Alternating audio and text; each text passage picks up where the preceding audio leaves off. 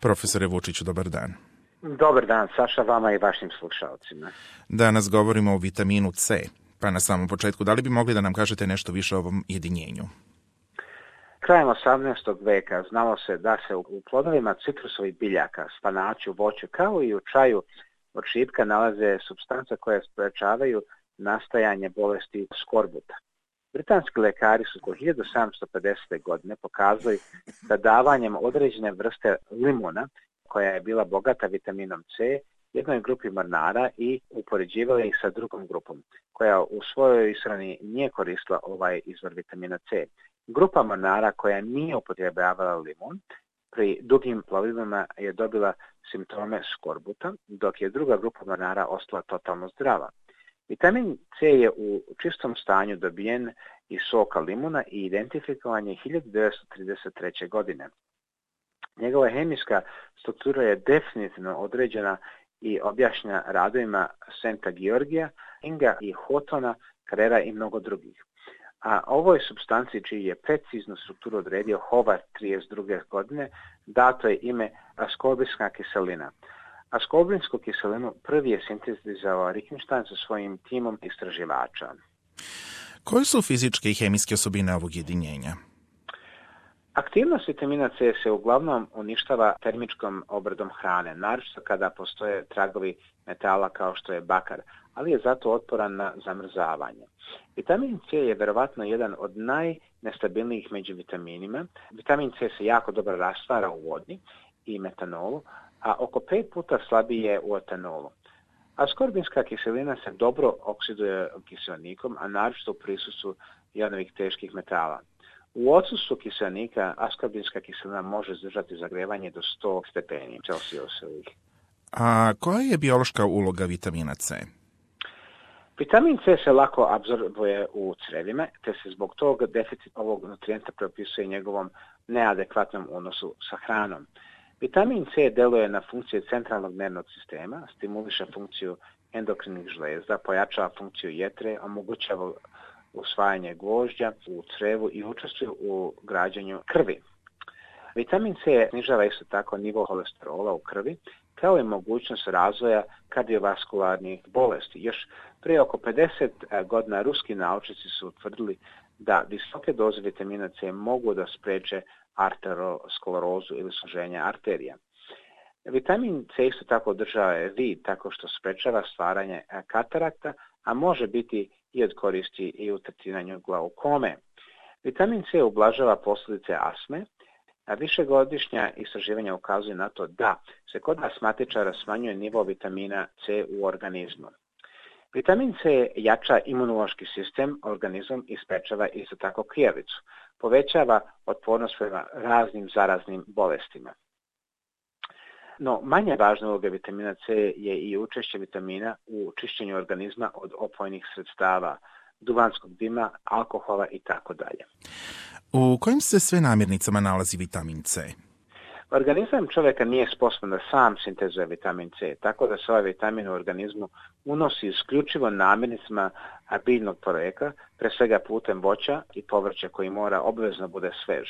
Najbolji izvor vitamina C su citrusne voće kao što su limon i pomoranđe. Isto tako bobičasto voće kao što je crna ribizla, šipak, paradajz, nekovan kupus, zelena paprika i ostalo zeleno voće. Napomena, ne preporučuje se unošenje vitamina C u kombinaciji sa aspirinom, pošto može izazvati krvarenje i smetanja u intestinima. Profesore Vučiću, a koji su poznati zdravstveni problemi vezani za vitamin C?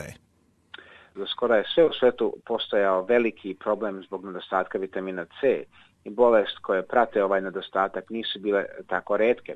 Tu se C vitaminoza javlja uglavnom kod starijih osoba, zatim kod alkoholičara ili kod nekih drugih bolesti. U nerazvijenim zemljama je avitaminoza relativno česta bolest zbog slabe ishrane.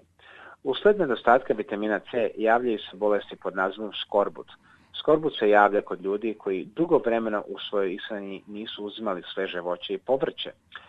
Ova se bolest odlikuje opštom slabošću i rastrojstvom kardiovaskularnog sistema i slabom građanju krvi, krvarenjem desni i koža postaje grublja. Osim toga, posljedice nedostatka ovog vitamina u krvi su i smanjen imunitet, sklonost ka krvarenju i opšta slabost organizma.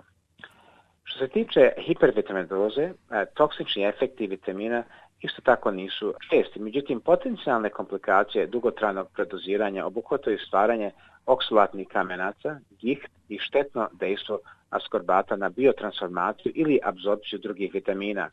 Ovi poremećaji se ne javljaju kod svih ljudi koji uzimaju veće količine vitamina C, već samo kod nekih.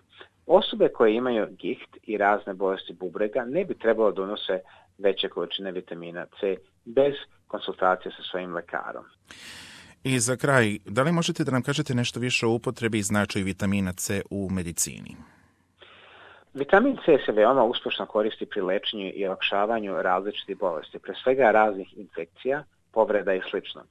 Povećano korišćenje vitamina C je prvi proklamovao dvostruki Nobelac dr. Linus Pauling, koji je tvrdio da je ovaj vitamin odličan u prevenciji i olakšavanju raznih kancera.